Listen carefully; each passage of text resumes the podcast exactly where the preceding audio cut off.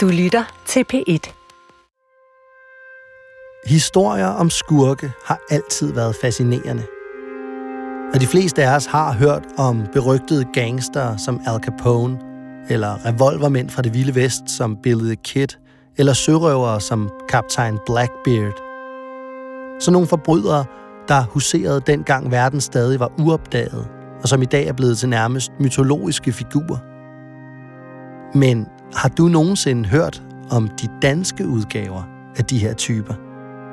Danskere, der af den ene eller anden grund er endt langt uden for landslov og ret, og er blevet fjender af det civiliserede samfund, men som ikke desto mindre har været med til at ændre både Danmarks og verdenshistorien.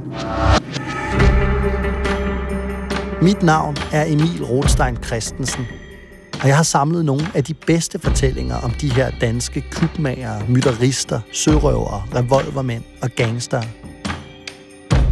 Det er vanvittige og hæsblæsende historier, men mange af dem er også lidt oversete. Det laver vi så om på nu med serien her, som jeg har valgt at kalde for De Lovløse.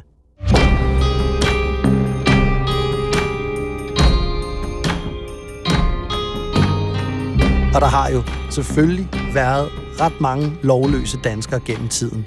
Så jeg har opstillet nogle kriterier, som jeg har udvalgt efter.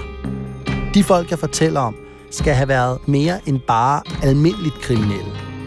De skal have været eventyrere på samme tid. De skal have søgt uden for Danmarks grænser for at ændre deres eget eller andres liv. Og de skal på den ene eller anden måde have sat et tydeligt aftryk på Danmarks eller verdens gang. Det her er bare en lille prolog, eller et introduktionsafsnit til den første sæson af De Lovløse. Her kommer du til at møde Jokum, der ender med at stå i spidsen for Danmarks historiens blodigste mytteri. Du kommer til at møde Jørgen, der udråber sig selv som enehersker i Island. Og Ebba Charlotte, som lidt for entusiastisk kaster sig ud i en meget erotisk tilværelse som dobbeltspion mellem topnazister og frihedskæmpere. Og selvom historierne her spænder over flere hundrede år og foregår på forskellige kontinenter og på de syv verdenshave, så ender alle vores hovedpersoner på den ene eller den anden måde med at blive stemplet som ondsindede landsforrædere og fjender af Danmark.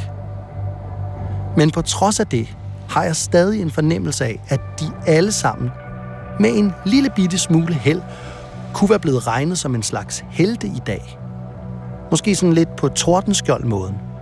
Og det nogle gange er de små ting, der afgør sådan noget. Men det kan også være, at det er bare mig.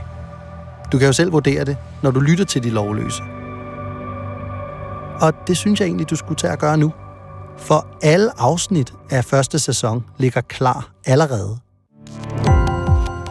Gå på opdagelse i alle DR's podcast og radioprogrammer. I appen DR Lyd.